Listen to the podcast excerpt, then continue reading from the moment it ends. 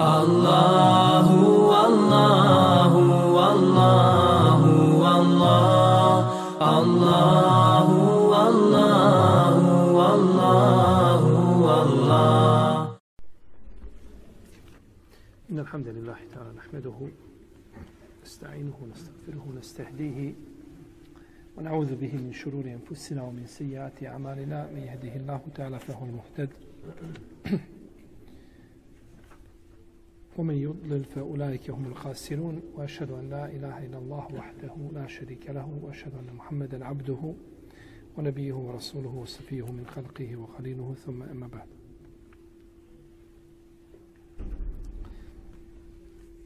ما ننسخ من آية أو ننسها نأتي بخير منها ومثلها. ألم تعلم أن الله على كل شيء قدير. i mi nijedan ajet ne zaborav potisnemo. Mi smo u našem prošlom predavanju govorili nešto o dokidanju ajeta, ostalo je još jedno petnestak pitanja mesela o dokidanju, koja treba obraditi. Ali mi nećemo obrađivati. Nećemo je obrađivati. Ovaj, nego ćemo nastaviti dalje da ne bi ponovo dobili ukor. Ne svoj imali ukor zbog pitanja dokidanja. Kažu, to je teško, ništa ne kontamo. Pa ćemo preći preko toga i ćemo dalje. Ali smo dotakli se nečega što je u globalu, onako globalno, najbitnije vezano za dokidanje. Znači, spomenuli smo onako naslove nešto. da ne bi neko pomislio da je nešto naučio dokidanju plaho nije ništa naučio, nego samo čuo da ima nešto zove dokidanje, ništa više od toga. Pa je dokidanje puno, znači, širi, ovaj, puno šira tematika ono što smo mi govorili. Međutim, priroda tefsira nije da govorimo u sulfiku, je tako? Ali kad najđemo na neko pitanje koje se tiče u sulfika, znači, nužno je nešto o njemu progovoriti. Uzvišen je Allah dalje kaže Elem ta'lem inna Allahe lahu mulku samavati u lord oma lekum min duni Allahi min walijim wala nasira.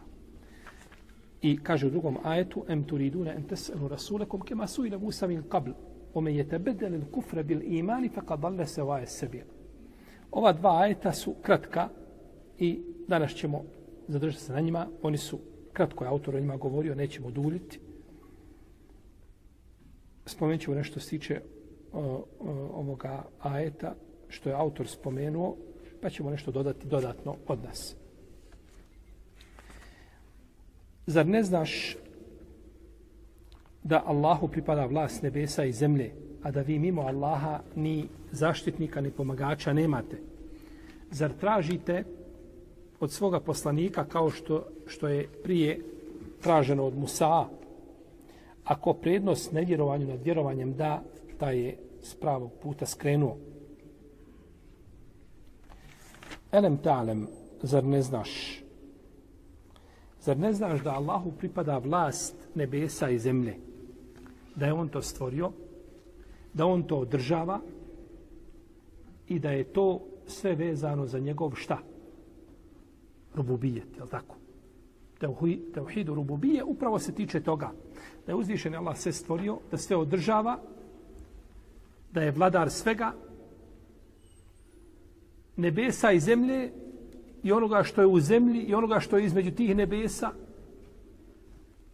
da je to sve Allahova vlast. I ono što smo mi dobili od Allahove vlasti, ono što nam je dao ti blagodati od te moći koju on posjeduje, te barake od teala, što je nama dao, pogledajte zemlju kolika je znači u tom kosmosu, da je nema nikako. Kada se sagleda kosmos kompletan, spomenuti zemlju, to je smiješno. To je cirkus da spomeneš da ima jedna planeta koja zove šta? Zemlja. Kao da ne postoji. Kada bi izbacio hiljadu i stotine hiljada i milijarde ovi e, planeta poput Zemlje, ništa se ne primijetilo u kosmosu. Možda bi neko primijetio da je kosmos još veći. To je Zemlja. I mi na toj Zemlji imamo nešto malo. Imaš koliko? 200 kvadrata svojih.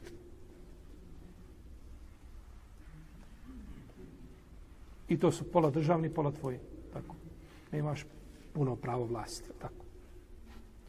A ostalo je vlast Allahova. Tabarake wa ta'ala. A može nam i to uzeti kada želi. Između nebesa i zemlje i ono, znači, što je u zemlji i što je skriveno što ljudi ne znaju.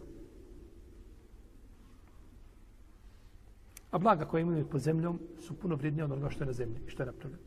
Puno vrijednije od svega toga. Ovdje se uzvišen je Allah azuđala vrća poslaniku sa osam. A u stvari ciljan je ko? Umet, sledbenici. Mi smo ciljani. Nema sumnja da je poslanik sa osam ubjeđen u to i najubjeđeniji od svih ljudi da vlast pripada uzvišenom Allahu. Ali smo ciljani mi i ovo je podsjetnik, podsjetnik znači podsjetnik, podsjetnik nama. Zar želite da svoga poslanika pitate, da od njega tražite kao što je činjeno sa Musaom, ali i Ovo je osuda. Ovo je ukor. Ukor došao ashabima poslanika, sallallahu alaihi sallam. Kao što su pitali Musa, a, pokaži nam Boga jasno. Pokaži nam Boga da ga vidimo jasno. I kao što stražuje od poslanika, sallallahu alaihi sallam, da im dođe sa Allahom i melekcima sučelice da ih vide. To kad mi vidimo svojim očima, onda ćemo ti vjerovati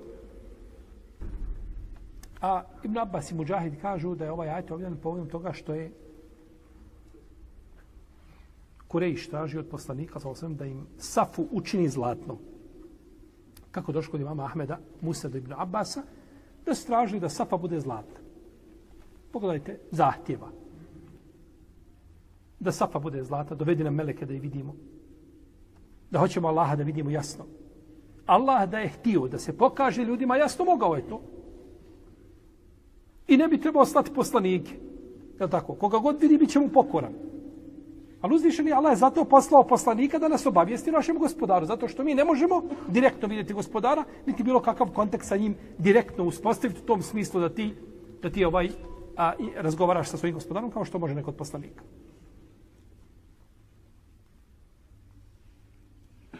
Kaže Ibn Abbas u drugoj predaji da je ovaj ajet objavljen zbog Rafije ibn Huzeime, i Wahba ibn Zejda da su kazali dajte nama Muhammede knjigu jednu posebnu da mi ju čitamo i daj nam sproved nam ovda po Medini rijeke neka teku ili po Mekke da mi to vidimo pa ćemo onda mi ćemo ti vjerovati.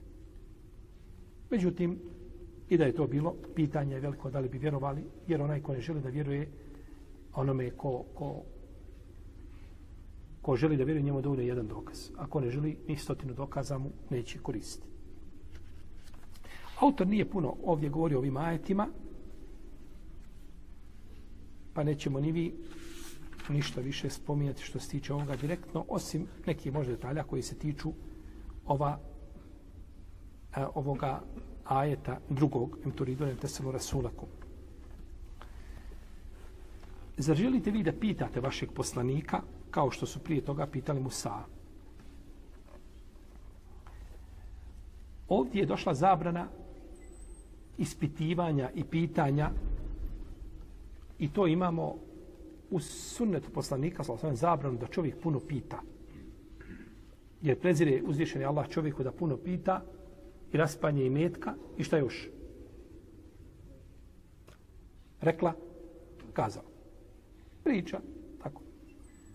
Koja je gubljenje vremena u najmanju ruku. Od zabranjenih pitanja da čovjek pita, jesu pitanja koja se nisu desila i teško je za pretpostaviti da bi se mogla desiti. Ili ako se dešavaju te nešto, to je rijeđe nego rijetko. Pa ispitivati o takvim pitanjima nije dozvoljeno. Nije ispravno. I Selef je znači o tome imao jako negativan, negativan stav. Isto tako ispitivati o detaljima nekakvim u prošlosti, o događajima za koje ne postoji dokaz jasni, nego više djeluje na, na, na gađanje, pa ako potrefiš, potrefiš, ako promašiš i ne može dokazati, niti onaj što kaže jedno, niti onaj što kaže drugo, nema čime dokazivati. I to je problematično u pitanjima koja govore o historijskim događajima knjige historije su natrpane raznoraznim rivajetima od lažnih, ništavnih, slabih, e, neosnovanih. To se sve nalazi u knjigama historije. Naše islamske historije, u redu. Mislim, to historija, neko, nego naša historija. Ali su učenjaci to zabilježili sa lancima prenosilaca. Imam Taberi napisao svoju povijest. I u njoj ima hiljada lažnih hadisa. Hiljada lažnih ne hadisa, nego, nego e, predaja što je bilo u vezi događaja kroz historiju do njegove, do njegove smrti do početka četvrtog hiđarskog stoljeća. Je li imam Taberi pogriješio? Definitivno nije. Dok učenjak napiše lanac prenosilaca i dostaviti predaju, ona zlata vrijedi. Bila sahih, bila daif, bila lažna, ona zlata vrijedi. Ako je sahih, zna se zašto, jasno. Ali ako je lažna, zato da znaš da je šta? Da je to laž. Da to nije bilo. I možeš dokazati da je to laž zato što u tom lancu prenosilaca ima ravija koji je šta? Nepouzdan. Ne samo nepouzdan, nego lažov. I onda dokažeš znači da je takvo pripisivanje tog događaja islamskom umetu je pogrešno i neispravno. Tako da imam Taberi dok je napisao knjigu, ne znam koliko da lažnih hadisa u njoj ima, on je sebe očistio. Samo što imamo Taberio nije na kraj, nije mu na um palo možda, da će doći nakon njega ljudi koji nemaju sa tim nikakve veze. Koji su stranci po pitanju lanaca prenosilaca i ravija i ovoga i onoga, pa gledaju i šta god pročitaju, on preskoči lanac prenosilaca i čita šta? Čita događaj.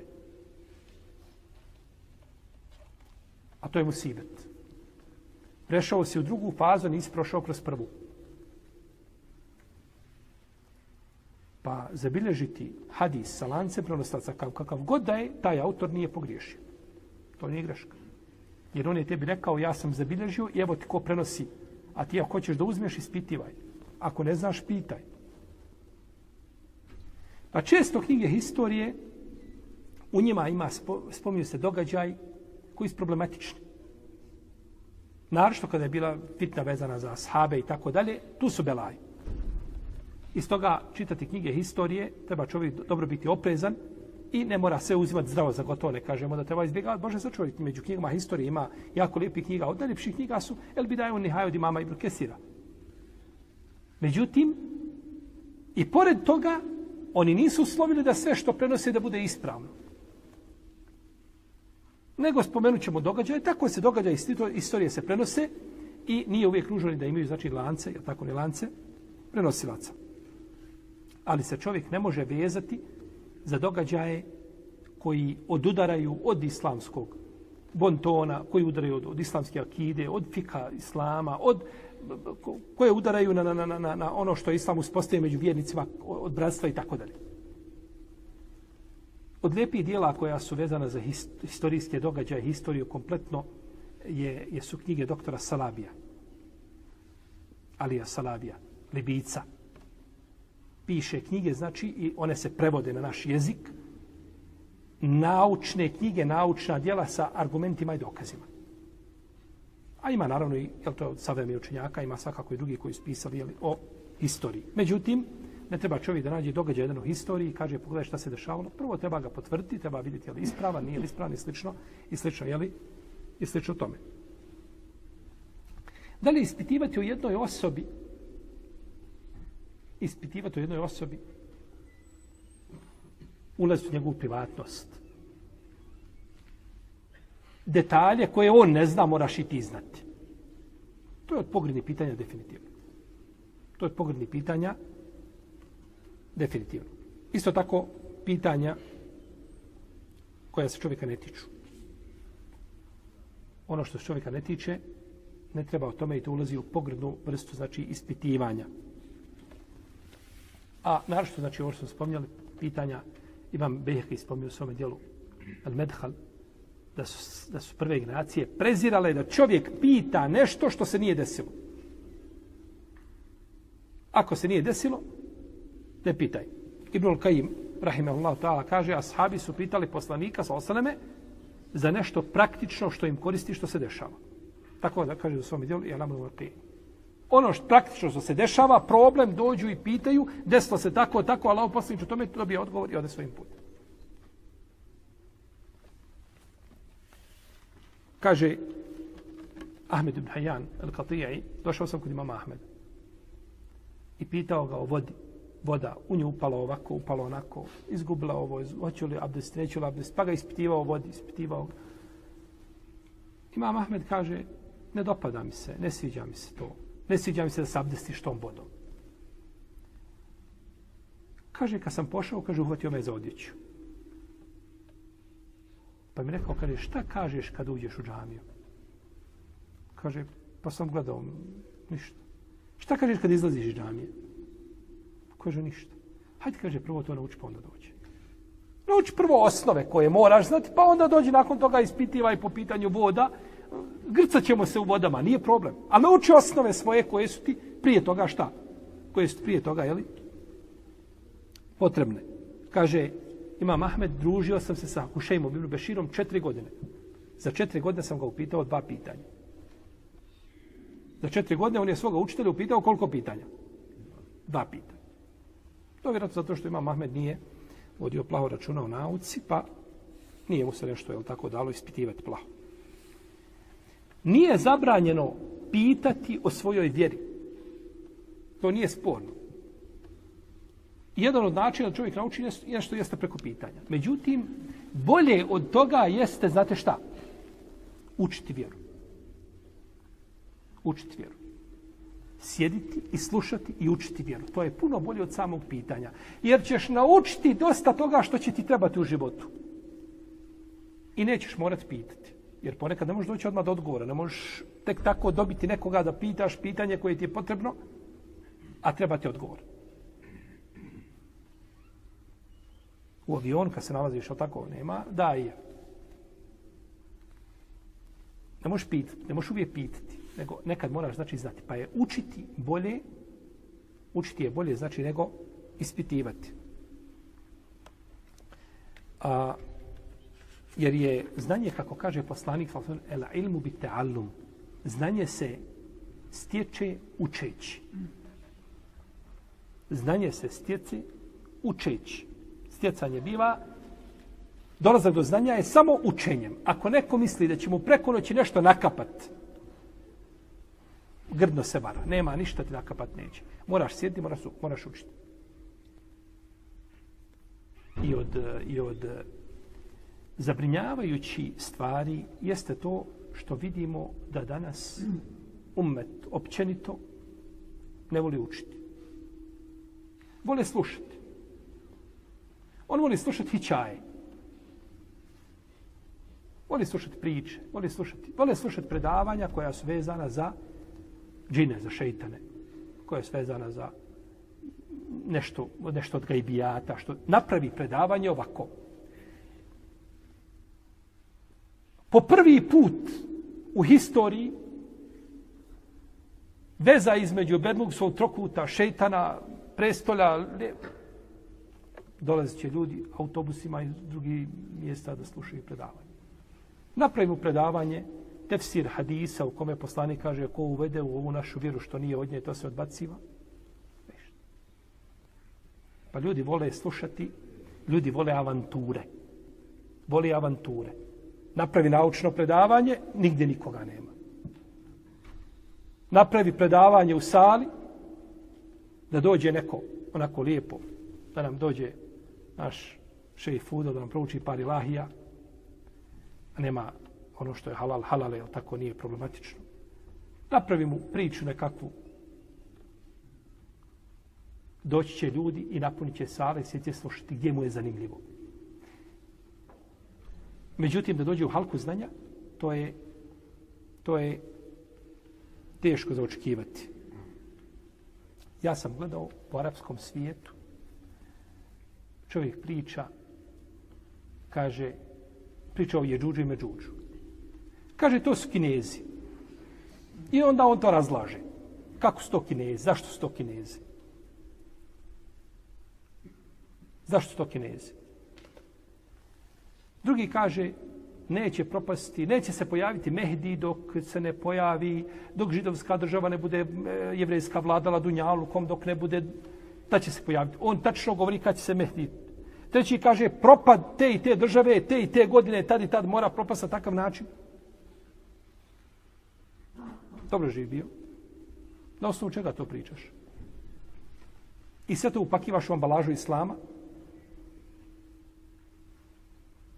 I nakon toga, kada se ne, deš, ne desete tvoje pretpostavke, bit će tako da, da je procjena islama pogrešna.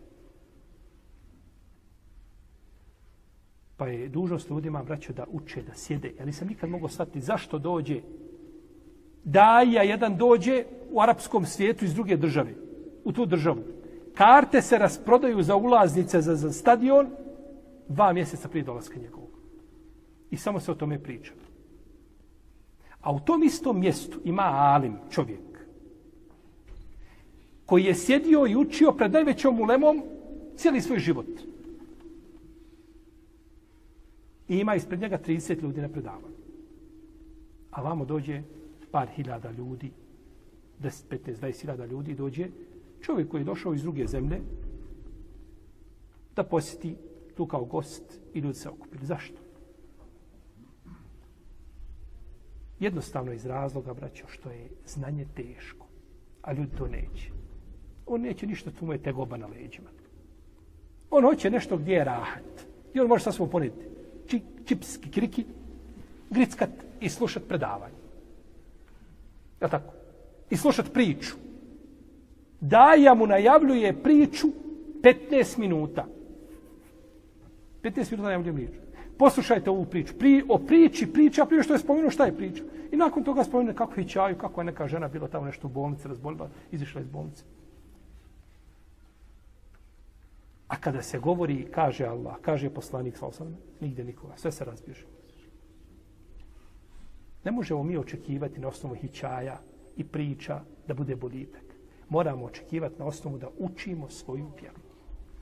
I samo tako može se popraviti stanje. Ali kažem, to je problem što je znanje teško, što je znanje, ovaj, to je trnje. Treba trnje gutat. Daj ti meni, ako ima šerbeta nešto malo, ako šerbeta malo, slatko. A trnje ja to ne volim. E to je znanje. I zašto se kaže da je put znanja šta? Trnovite, je tako? Ko se zaputi jednim putem stje, stje, da stječe nauku, Allah će mu olakšati put do dženneta. Nauku da stje, da uči. A nije puko slušanje. Ne kažemo da u općim predavanjima nema koristi, ne Bože sačuva. Ima koristi, ima ovaj eh, da dođu obične mase i, i u džamije. Međutim, općim predavanjima se neće postići cilj. Cilj se postiže samo naučnim predavanjem. Nikako drugačije. Jer niko iz općeg predavanja nikada naučio nije svoju vjeru. Zato je opće predavanje hutba. Sa hutbe nikad nešto uči svoju vjeru. Ne znam ko da je hatib. Da je hatib najveći alim. Sa hutbe se ne uči vjera. Sa mimbere ne uči se vjera. Vjera se uči da ljudi sjednu i da uzmu ajet, uzmu hadis i svi propisi iz hadisa se iscijede. Riječ islamskih učenjaka, to je učenje vjere. A hutba je tu da posjeti ljude. Kad uđu u meleki, šta se kaže u hadisu? jeste mi one zikr, slušaju opomenu, da opomeneš ljude. Poslanik je opomenuo ljude i poučavao ovoj vjeri sam im bere u tom se. Nego opominjao, govorio o sahabima, opominjem vas ovaj, da se čuvate vatre. Pa opća predavanja, vazovi, predavanja, to je tribine, to je ovako, znači malo nešto, ali učenje vjere to je osnova. I zato će to naći kod oleme Selefa. Da su tako. Ibn Abi Hatim razi izišao jedne prilike na put on i još jedan njegov prijatelj otišli u Misir. Pa su sedam mjeseci bili, kaže, ništa čorbasto pojeli nismo. Znači, nema kaške. Red. Ništa čorbasto. Kaže, pa smo jednog dana otišli, vidjeli, kaže, da je učitelj bolestan, vratili se kući, kažu, taman. I usput, kaže, vidimo lijepu ribu, nikad takve nismo vidjeli svježu. I kaže, kupimo je i kući, kaže, samo što smo pripremili, da je pripremimo da jedemo, kaže, kad javljaju, kaže, ima na drugom, jer kaže, po danu smo na predavanjem, na večer prepisujemo. Po danu slušaš, na večer prepisuješ. Bilježiš ono što si šta, čuo po danu. Kaže, kas, pa, pa nam kazaše, kaže, ima zamjena, drugi je tu došao, hajmo. Kaže, pa tako dan, dva, kaže, dok nije riba, kaže, već ostala, kaže, nismo imali vremena, kaže, da je pripremimo, kaže, pa smo je prijesnu pojeli. Pojeli prijesnu ribu, možete to zamisliti. Zato što su nauka, idu kod šeha, slušaju hadise, bilježe, ali tako prenosi. To je. To je trnovito, to je teško, to nije jednostavno. I zato onda ljudi, jeli, bježe, naravno, ne možemo i očekivati od svi ljudi. Ne možemo očekivati od svi ljudi da dolaze i da slušaju šta? Naučna predavanja. Ali sigurno da omladina, oni koji osjete da imaju snage i tako dalje volje, da bi morali dolaziti na predavanje. U svakom slučaju, a, učenje vjere, braćo, biva da se pojasni značenja ajeta i hadisa. To je osnov. Nakon toga riječ ashaba, poslanika sa osaname, i tako čovjek dolazi znači, do, do znanja. Dalje, ne treba biti cijepidlačenje kada čovjek ispitiva, kada pita. Ovdje govorimo zato što se spominje šta? Emtes eluna rasulakum. Kema sujda Musa min kable, tako? Hoćete pitati, da vidimo to pitanje, ta riječ pitanje, gdje je ona? I gdje smo mi od nje? Čovjek kada pita nešto, ne treba da cijepidlači. Da ispitiva nešto, znači nema potrebe. Kao što je Beno Israil pitao poslanika, sa osvijem, o čemu? O duši. Jes elunek jani ruh. Kuli ruhu minem rabbi. Pitali ga o duši. To je stvar uzvišenog gospodara Zođa. To je njegova odredba. Nemate vi, oma utitu minel ilmi na kalila. Mama je znanje dato malo o tome. Koliko god da bili, živjeli i ispitivali, ne, nećete znači znati osim malo o, o tome. I zato ashabi nisu, braćo, ispitivali poslanika, nego čekaju da im šta? Da im kaže. Vidite ashaba. Kada je rekao poslanik, sa osvijem, da će doći držav da će kada dođe da će godina biti kao jedan dan da će biti kao godina. Jedan dan kao mjesec, jedan dan kao sedmice i ostali dani kao naši dani. Zamisli ti sebe da si ti čuo tako hadis. Šta bi prvo pitao? Fino Allah posjeća, ali kako će sunce, hoće to sunce godinu baš tako ići? Ono, pomalo. Gdje će mjesec biti, gdje će biti zvijezde u to vrijeme? Znači godinu pravo da ja ono baš godinu ne vidim nikako zvijezde. Allah, Šta kaže asabi? Allahu poslaniče, kako ćemo klanjati? Šta ćemo u tom danu koji je ko godina? Kako ćemo klanjati Allahu poslaniče? Njemu namaz u glavi. Pita nešto praktično če, što se njega tiče. A to kuće sunce, šta će? To mene ne zanima. To mi nije nužno. Nužno mi je kako ću klanjati tome dan. Tako. Pa kaže poslanik, procijenite procijenite, znači odredite se kako ste pet vakata klanjali, tako i nakon toga nastavite u svaka 24 sata po našem vremenu da bude šta? Da bude pet namaza, je tako? Pa pogledajte njihovog pitanja, a pogledajte pitanja koje je spostavilo šta Benu? Benu Israel. Pa su pitali ono praktično, znači što će im, što će im jeli, koristiti.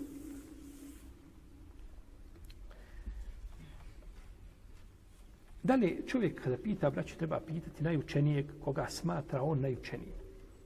Znači, kad imaš pitanje koje se tiče tebe, nešto ako je pitanje od vitalne važnosti, pitaš nekoga ko je kod tebe najučeniji, dobiješ odgovor i radiš po tome. Nema potrebe da postavljaš jedno te isto pitanje, šalješ ga na četiri, pet adresa. I to se dešava, mi često daje, znamo biti zajedno. Borimo zajedno, sjedimo, pijemo kahu. I pitanje jednom daje i dođe i drugom daje isto pitanje dođe. Od sa istog broja istog čovjeka. Nema potrebe za ti. Postavi, pošalješ najučenijem i ti si skinuo odgovornost sa sebe. Ti si pitao onoga kojeg, zato se kaže, obični čovjek je u svemu mukallid, taj koji slijedi, osim u jednoj stvari, on je mučtehid. On ima pravo da bude mučtehid, da ići hadi. Koja je to stvar? Koga će slijediti, koga će pitati. Ne možete njemu doći kazati, pitaj ti tog i tog, nećeš ti meni govoriti koga ću ja pitati. Ja znam koga ću pitati. Ja pitam onoga kome vjerujem da zna i da se Allaha boji da me neće uput nego šta na na, na najbolje. A to koga ti pitaš, to je tvoja stvar. I zato će on biti pitan koga je šta? Koga je pitao. Bravo. Biće pitan koga je pitao. Pa ako je pitao negdje gdje znak da je mekano, med i mlijeko, prolazi sve, bit ćeš pitan za to. Pa čovjek odluči, znači, je tako, i pita koga, kod Arapa je danas koga vidje najdužom bradom, toga pita. Nije brada mjerilo znanja živio. Brada je mjerilo šta? Dužine brade. Tako, ništa drugo. To nije mjerilo znanja. Znanje je nešto drugo. kod Arapa je tako, ako si na hađu dole, znaj, ako si negdje u tavafu, nešto, znaj da će te neko za ruku povući, pitate, uradio sam to, ti vidi da imaš, jer očekuje dok imaš bradu da bi trebao šta? Trebao bi znati, jel? Iako to definitivno nije, znači, nije mjerilo. A, od od ovih a, pokazatelja da, da, da je čovjek da zna, jeste da često govori da ne zna. Kad ne zna za nešto, kaže ne znam. I vidjet ću, ispitat ću. Nazovi me kasnije, provjerit ću. Određena pitanja, braćo, čovjek kaže, svaki put kad te neko nazove isto pitanje, kaže, ne nazovi me za sat, vremena, dva, provjerit ću. Treba žena, ne znam, da dijete u materici umrlo, treba da, ili je došlo do pobačaja, šta će, kako će, ne, ta pitanja velika. Treba, treba napraviti ovaj, e, ne znam, e, e, vanredni pobačaj, tako za, za, za ženu. Ne, ne, to, to neka ulema govori. Ja nemam snage, ni moći, niti imam hrabrost, to se stavim na leđe. Nego ćem tražiti da se slavi. Pa za svako pitanje uvijek isto provjeriti, kažemo da, kazali su tako i tako. Pa čovjek koji kaže kad ne zna da ne zna, onda kada, kada ti odgovori, drži se, uhvati se očnjacima za ono što je kazao, jer on neće pričati nego, nego shodno svome, jeli, znanju. Pa, pitanja koja čovjek postavlja, posla najučenijem i braću da postavljamo jasna pitanja. Ponekad stvarno ima pitanja koja trebaju, trebaju znači, a, da se a, rastabire, da se razjasne, treba napisati par poruka da se to razumije i shvati šta se želi pitati. Pita se jasno, precizno, ono što čovjek želi saznati. Bez, znači, bez cjepidlačenja. Znate kako onaj pitao, kaže, kako ime Vuku koji je pojao Jusufa? Kako ime Vuku? Njega zanima ime Vuka. Kaže, ma dobro, ali kaže, Vuk nije pojao Jusufa. Dobro, kaže, kako ime Vuku koji nije pojao Jusufa? On se nešto zakačio za Vuka i njemu je bitno da on zna ime Vuka, je tako. Koliko e, u, u Kur'anu imamo 20 i nešto poslanika spomenutih, koliko znaš imena njihovi? Aj nabroj mi 10 imena, 10 poslanika. Ali on mora znati ime koga? Vuka. To je znači ovaj, kada su Šabija pitali, Imam Zehebi spomenuo Siru Lamiru pitali ga, kaže, kako se zove, kako ime i blisovoj ženi. Kaže, nisam bio na toj svadbi. Nisam pozvan. Kako ime i blisovoj ženi. I zato sliki učenjaci Seleha praću kada ga neko upita nešto, kaže, ostavi to pitanje, kaže, pa kad se sretneš sa svojim jaranovim blisom, kaže, pitaj ga. Tako su odgovarali. Tako su odgovarali. Došao je čovjek Ebu Hanifi, kaže mu, slušaj me, ja, kaže, skinem odjeću i kada skočim u rijeku. Kaže, kad skočim i gasolim se u rijecu, hoću li se, kaže, okrenuti prema kibli ili kako ću? Kaže mu, Hanife, bolje da paziš na svoju odjeću, da ne ostaneš bez odjeće. Izgubit ćeš, jel tako, odjeći, tek odjeći, pa će ostati bez odjeće. Pitaš, u rijeci se kupam, hoću li se ja okretati prema kibli ili se neće okretati prema kibli? Kaže, ona je pitao jednog šeha, kaže, šeha, ja, kaže, klanjam ušom. I kaže, ispred mene, kaže, prođe lav. Hoću li ja, kaže, prekinuti namaz? Hoću li, kaže, nastaviti namaz ili ću ga prekinuti? Kaže mu šejh, kaže, nema smetnje kada da nastaviš ako spod abdestom još uvijek. Ako si sačuvao abdest, ti kaže, nastavi namaz. Koliko ljudi klanja i da pred njega pre, pre, prođe lab? Ali eto, da pitamo, da ja nešto, jeli, da pitam. Pa učenjaci, braćo, kažu, kome Allah hoće dobro, kaže, on ga uputi da radi. A onome kome neće dobro uputi ga da raspravlja i da, ja tako, ganja cepidlači u tim pitanjem. Isto tako obraćao pitanja vezana za, mi smo govorili nekada davno o etici postavljanja pitanja. Pitanja vezana za telefon. Telefon i ova sredstva ove, znači savremene komunikacije su zaista jedna velika blagodata Allahova ovi što imaju, što su rođeni prije tamo nekada 80. i 70. Jeste mogli kada pomislite da ćeš moći sa tetkom prišti u Americi dva sahata i ni centa ne platiš. Je li kažemo da ti dođe nekakav račun? Blagodat. Da se možeš čuti rodbina, ispanje rodbinskih veza i razgovor i komunikacije. Blagodat Allahova neprocijenjiva. I telefon je šta? U onih pet propisa. Vađib, sunnet, mubah, mekru, haram. Šta je? Šta je telefon? Mubah. Telefon je mubah. Telefon je kao i bilo koja druga stvar koja je mubah, koja čovjek koristi. Dobro. Mi znamo pravilo da gdje god čovjek pretjera u mubahu da može biti šta? Može biti opasno. Može prići u zabranjeno. Jedite i pijte, ali ne pretjerujte. Ja tako. Jelo i piće je mubah, da čovjek jede nešto. Ali nemojte pretjerivati. E isto tako i po pitanju znači, telefona i korištenja telefona. Ja sad ne bih govorio o tome e, koliko smo mi svi iskušani telefonima i koliko smo vezani za telefone. Jednostavno da čovjek ne može pojmiti sebi, ne kažem ovaj sedmicu, niti mjesec, niti dva, nego dan jedan ne može pojmiti bez telefona. Vezan. I moramo paziti da nas neko nije kulturno uzeo za ruku i vodi nas u jedan vrtlog, ne znamo kako ćemo izaći iz njega. Jer ti neko drugi kreira tvoj život, ne možeš ti više ništa. A. Koji uči Kur'an, uči s telefona. Ko zikri zikrove, uči s telefona. Telefon mu je postao život. A onda što se vremena na telefonu izgubi bez potrebe, je tako, u grupama i u pisanjima i tako dalje, to ovaj vi znate isto kao, kao i ja. Pa kad čovjek a, nazove braćo nekoda, nekoga treba znati da nije sam. Ti si nazvao, bez obzira koga god da si nazvao. Nisi sam koji zoveš. Ima još, pa se jedan put nazove, pa se proba, pa ne može, pa nakon toga. Jedan dan ulazim u Bosnu, bio sam van, ulazim, 39 propuštenih poziva telefonski od jedne osobe, s jednog broja. 39 propuštenih poziva, I to prikaže samo u zadnjem danu, ili koliko prikaže propuštene pozive od jedne osobe. Pa dobro, vidiš, znači, jedan put čovjek nazvao, ne javlja se, ujutru u deset, pa nazoveš nekada na večer oko akšama, pa nazoveš sutra ponovo ujutru, je tako?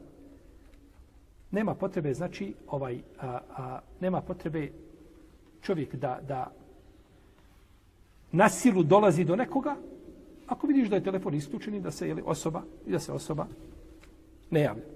Kaže Ibn Mesud, Ovo braću govorim zato što čovjek koji, koga neko nešto pita, on nije, nužan, nije dužan da ti mora odgovoriti na tvoje pitanje. I nije nužno da moraš naći odgovor kod njega. Kaže Ibn Mesud, ko odgovara ljudima na sve što ga pitaju, kaže on je lud. On je lud. To nije normalan čovjek. Odgovara na sve što ga ljudi šta? Pitaju. Jer, braćo, ponekad su pitanja jako nezgodna. Ponekad su pitanja, ovaj, treba, treba je, ovaj, jedna skupina ljudi da istraži to pitanje, da da, da odgovor na njega. Možda se nikad nije desilo prije toga. Pa nije na svako pitanje jel, jednostavno odgovoriti. Čovjek je dužan koga pitaš da pokuša da ti da odgovor ili da te uputi na nekoga ko je učeni. A dok kaže ja ne znam, on je skinuo odgovornost sa sebe. Dobro, šta da ja radim? Ne znam šta da radi živ bio. Allah ti da bude na pomoći, ne znam šta da radiš, ja ne znam. Nisam omogućen, znači da ti odgovorim. I time je skinuo svoju odgovornost. Kaže Šabi, la edri nisful ilm. Kada čovjek kaže ja ne znam, to je pola znanja. Jer je znanje znam i ne znam. Pa kad kažem da ne znam, rekao sam ti šta? Pola znanja. A ti drugu polovinu traži na drugom šta? Na drugom mjestu. Ba nema drugog. Nema. E, to je problem. Pa nema onoga ko zna. Pa jeste, ja ne znam. Tražiš drugo, kaže, ne mogu naći ko zna. Pa u tome je problem što smo slabi, kao umet smo slabi. Nego moramo znati, tako, našu ulemu po arapskom svijetu da pitamo za određena pitanja.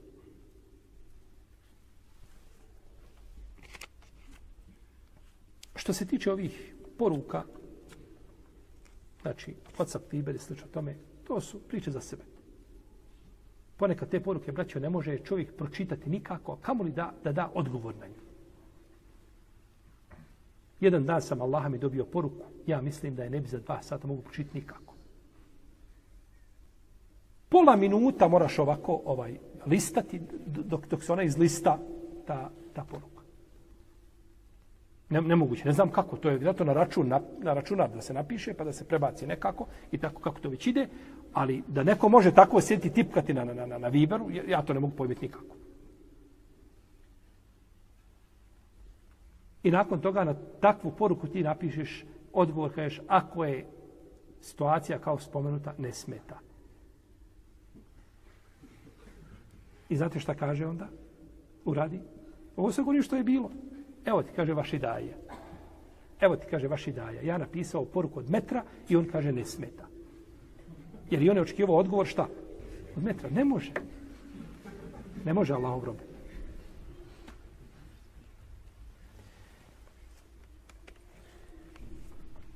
Pa je ponekad odgovor, braćo, ide, biva, i biva odgovor bez dokaza. Nemojte očekivati da vam neko daje, a piše na Whatsapp dokaze. Neki dan mi dođe poruka, kaže mi čovjek ovako. Spomenuo jedan veliki grijeh koji spomenuo u Kur'anu. Kaže, navedi mi sve dokaze vezane za ovaj grijeh. Ovako kaže, sve dokaze. Ima sigurno hadisa, po moje procjeni, jedno 30 do 40, I ima kuranski ajeta, jedna skupina, što direktni, što indirektni. Navedi mi sve, znači, sjedneš i uhvatiš telefon i kucaš jednom. Nema potrebe. Bilo koju knjigu da se otvori, put pravog muslimana da se otvori, tamo bi našao pitanje zabrana tog grijeha. Mogu se otvoriti i naći bilo gdje. Ali samo po sebi tražiti, spomeni mi sve dokaze koje imaju je absurdno. Zato kažemo, braćo, Šeha Albani je to govorio, kaže, onaj ko želi istinu, njemu je dovoljan jedan dokaz. Ako neće istinu, kaže, ni sto dokaza mu vrijedi. Prije jedno sedam dana održao sam hutbu na jednom mjestu bio i došao čovjek i pita me, pita me, vezano nešto za, za, bilo mislim da je bilo za konzumiranje mesa koje zakolje kršćanin. Je to halal? Ako jeste. Bez razilaženja među lemom. وَطَعَامُهُمْ حِلٌ لَكُمْ I njihova hrana je vama halal, dozvoljena. A hrana je ovdje ko sve uleme meso. Nema spora oko toga da ti možeš jesti hljeb koji napravi kršćan ili židom. Problem je vezano za ono što se kolje, je tako? A mi možemo jesti ono što zakolju oni, je tako? Ako prije toga nije bilo ubijanje s što. I ja mu citiram ajet i on mene ovako gleda.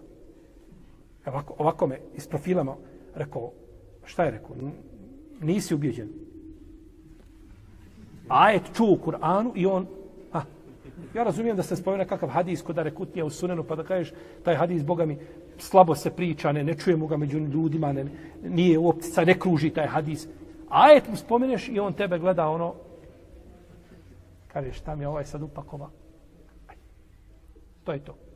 Jedan dokaz, dovoljan vjerniku, znači koji želi istinu. Tako da, a, ne može braćo, Allah vam dao svako dobro. Vi imate svoje pravo. Vi imate svoje pravo kod daja. I daje moraju vam dati vaše pravo. Ti ne htio mora. Krenuo s tim putem, tvoj problem. Što nisi? Što nisi razmišljao prije što krenuti, šta, šta si stavio sebi na leđa? Sad stavio, sad moraš nositi. Ali ne može, se ima svoju mjeru. Ne mogu argumenti kucanjem. Argumenti su ovdje. A. Argumenti su ovdje. Hadis, tefsir hadisa mi opiš. Tefsir hadisa dođeš kod Šeja Pezića ovdje u, u sredu čuješ tefsir hadisa iz Rijadu Salina, je tako? A ne može biti tefsir hadisa da se opisuje hadis njegovo značenje i iznimke i, i po povodom čega je izrečen i zašto je... Dođeš na predavanje i slušaš predavanja kad su fika, je tako? Kaže se mišljenje Hanefija, Hanbele, jel tako? Pa argumenti, pa dokaze. E, tu se iznose dokaze. Ali mi ne bi to. Ja ne bi to da ja tu negdje sjedim dole, teško mi bolan sahat vremena sjediti smotani nogu dole. Ima li to nešto na drugi način da ti to meni, kad meni treba da ti to meni odgovoriš? Ne možeš i bio, ne, to je nemoguće. Dalje, pitanja, problemi bračni ne mogu se liječiti porukama. Allahovi robovi, Allah vam dao svako dobro. Ne mogu se porukama liječiti bračni problemi. Pitanje. Oženio me. Prvo, prevario me od same ženitbe. Ništa mi o sebi kazao nije. Nije mi, mehr do danas mi nije isplatio. Stanovali smo kod njegovih roditelja. Potom me je premestio na drugo mjesto zbog toga što je njegova majka zmija pravi probleme nakon toga me je vratio nazad, ali sad njegov babo vodi moje dijete i, on pije s babom pivo, s djedom, jel, djedom. E, nakon toga ja uzmem djed, djedo se, djedo se naljuti, on mene vrati i kaže, šta mi savjetuješ? Boga mi ja ne znam, ja bih volio vidjeti ovaj tako riječita insana da može to sročiti u jednoj poruci. Nema veze neka od metra da može riješiti taj problem na takav način. Pa i problem se rješava, znači da se dođe kod nekoga, da se priča, da se razgovara, da se, pa da se vidi gdje tu i tvoja greška, je tako? Jer mi obično kad pričamo sve, neko drugi je kriva, ja, mene tu nema nigdje.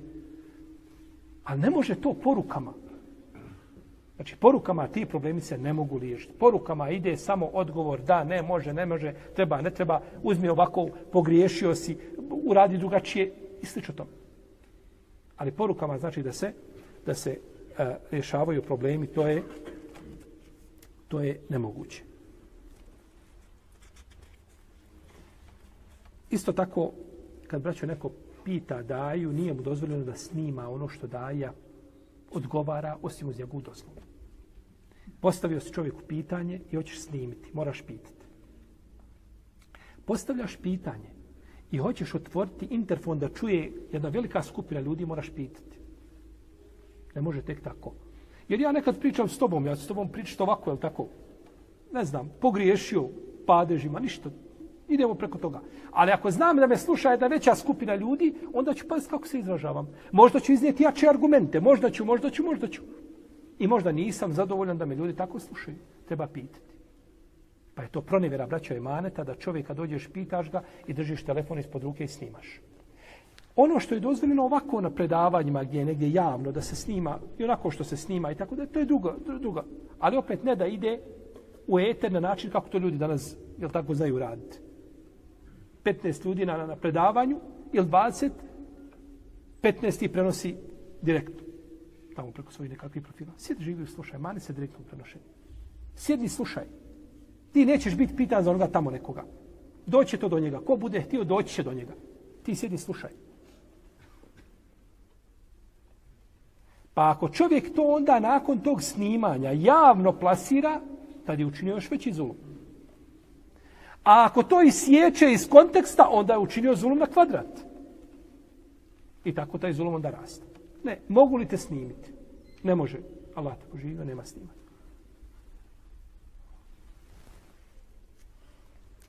Em turidun en tes'elu rasulakum. Zar želite da pitate vašeg poslanika? Braćo, svako ko ne bude nosio hak sa sobom, on će nositi batil. Ako ne budeš u haku, moraš biti u batilu. Imaju samo dva puta, trećeg nema. Čovjek kada skrene s haka, na isti način kako je skrenuo, bude iskušan sa batilom. Pogledajte šije. Šije su nasrnule na najčedniju koja može biti. Radi Allahu te anha. Kćerka najčednijeg. Ajša kćerka je Bubeka. Naša majka. Nasrnule na nju i potvorili je za nemoral. Pa je Allah iskušao muta braku. Pa je Allah iskušao muta braku. Nećeš hak, hoćeš batir. Moraš. Nemaš izbora. To je tako. Pa svako koliko ne nosi, ovdje kaže Em turidun en tes elu rasulekum kema suile Musa min qabl Omen je te bedderil kufr Ako zamijeni Zamijeni vjerovanje za Ostavio hak, uzeo šta? Nema, dok ostaviš hak moraš ozbatila. Moraš biti nosi ozbatila. Nemaš izbora. Nema tu nigdje na pozitivnoj nekakvoj nuli, kaže, ja sam ljuda. Ja ne idem u džamiju, fakat. Ali, ja, Allahu ekbar. Ja sam, ono, baš sam, baš sam zlatna sredina. Ti si truhla sredina živio. Kakva zlatna sredina, ne ideš u džamiju, bola. Ne, hoću kazati, ne klanjam, tako? Pa čovjek dok ne nosi hak mora biti nosioc i proklamator batila neminovno. Kema su ila Musa min kabl. Kao što je Musa upitan prije toga. Pazite, ovdje imate harf kjaf. Kema. Ke. Kao. Ovaj harf kaf, on u Kur'anu može doći u 30 različitih svojstava.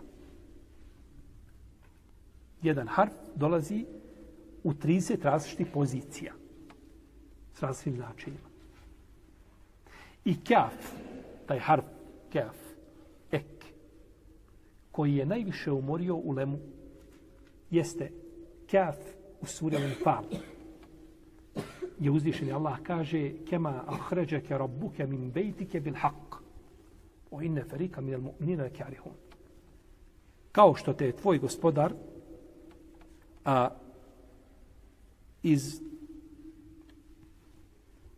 iz tvoga doma izveo ovaj kaf kaže Ebu Hayyan u svome delu Bahrul Muhit kaže ja sam kod ovog kjafa, kaže blokirao. Napisao, napisao u svome tefsiru preko 20 njegovih značenja koja mogla biti. I kaže nije mi se duša smirila. i kaže rekao sam da je moj šejh živ sad bi on meni kaže objasnio šta je to. Ali nema šejha pa je legao na večer i usnio šejha Pa ga je pitao o tome, pa mu je rekao, kaže, to je kjafu talil. Kao kod riječi uzvišenog Allaha, vozkuruhu kema hedakum. Vozkuruhu kema. Ha. Kema ahređeke rabbuke. Kaže, to je taj kjaf, isto značenje. Kaže, pa tek sam se tad, kaže, smirio njegov značenje. Jedno slovo u Kur'anu dovelo u iskušenje u lemu imame ummeta, braću mu fesire. Jedno slovo. A mi hoćemo preko poruke da to nešto. Da to nešto cvjeta preko poruka. A on život svoj proveo, kaže Ebu Hajan u svome tefsiru, u, u tefsiru sure, uh, sure uh, uh Teube, kod riječi uzvišenog Allaha, el e'rabu ešeddu kufran u nifaka, kaže, pustinjaci su žešći u svome kufru i nifaku, kaže, zato što nisu sjedili, kaže, na svojim koljenima pred ulemom i učili. To kaže ovaj Ebu Hajan. Isti.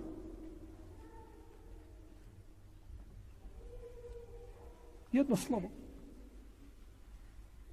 I zato učiti svoju vjeru, to je, to je, braću, to je čast. Čast, ali je to isto tako šta? Napor. Mora čovjek sebi malo dati zora. Mora pricisnuti svoju dušu. I da ti nju zaposliš sa dobrim. Jer ako ti nju zaposliš sa dobrim, ona je tebe da posta lošim, definitivno. A, vidimo kako su mušici tražili od poslanika, sa osvijem, da Safa bude šta? A sahabi nisu htjeli, nego čekaju pustinja kada dođe šta? Iz pustinje kada dođe, to je za njih bajram. Jer pustinja dođe, samo je samo, a poslanik je popustao pustinjacima ono što nije ne popustio nikada drugom ashabu. Pa oni sjede i slušaju. Oni sjede i slušaju. Pa su pitali, mušici kažu, daj, daj nam, neka nam safa bude zlatna. I Benu Israel je ispiti, ispitivao poslanika sa osaleme, ispitao svoga poslanika, Musa, ali salam, o kravi, kakva je? Ha. Inel bekare de šabe halejna, pa, pa su govorili e, male unuha, kakva je njena, kakva je njena boja. Kaže Ibn Abbas, Taberani je zabilježio svome velikom mođu, od Ibn Abbas, kaže, nikada nisam vidio bolje ljude od ashaba Muhammeda, sallallahu kaže, pitali su ga samo 13 pitanja. 13 pitanja. Kod imama Elbezara se kaže u njegovom musnedu 12. Pitali su ga koliko? 12 pitanja. Naravno, mi kada ovaj braćo sakupimo, kada vidimo pitanja poslanika sa osrame koje su postavljene njemu od strane ashaba, vidjet ćemo da, da to prelazi da stoji stotine pitanja. Ibn Abbas je ciljao ono što je spomenuto u Kur'anu. Tako kaže Ibn Kajim u svome djelu je Laman kada je govorio o ovoj predaji, kaže Ibn Abbas cilja ono što je spomenuto u Kur'anu jes eluneke.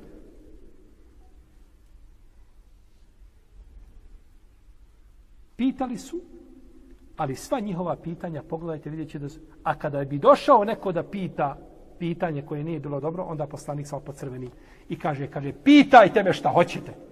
Hoće da, je tako, to je odgoj, terbija. Pa je onda Omer kleknuo na koljena i kaže, vjerujemo u Allaha i u njegovog poslanika. Pa se poslanik umirio. Pa je, braćo, puno bolje učiti vjeru, pamtiti. Ko može pamtiti? Pisati. Ko slabije pamti, je tako? i slušati ono što je naučio, ponavljati, čitati, to je puno bolje nego samo ispitivati.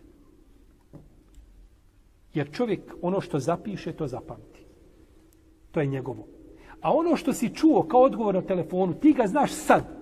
Za tri mjeseca da se ponovi slična situacija, kazat će, još šta mi ono reče, Allahu dragi, ma nešto mi je kazao, ali nisam ti pametan.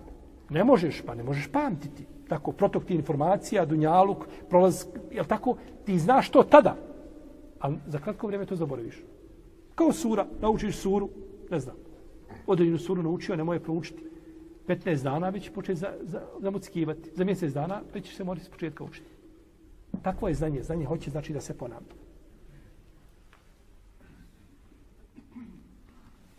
Pa gdje god znate da ima mogućnost da naučite, nemojte propustati predavanja, dolazite i učite.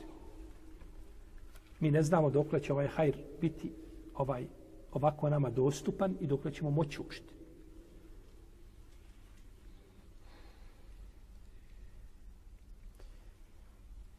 Em turidune, zar želite? Zaželite. Jesu oni pitali? Zaželite pitati? Jesu pitali? Šta mislite? Ja te kažem, zar želiš putovati u Bihać?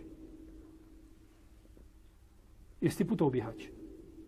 A nisi putao, zar želiš? Zar pitate, bilo bi da su pitali, zar pitate, kao što su oni pitali, zar želite? Znači, ashabi su ukoreni samo zato što bi eventualno mogao neko šta da? Da upita. Pogledajte razgled među Musaovih sredbenika i sredbenika koga?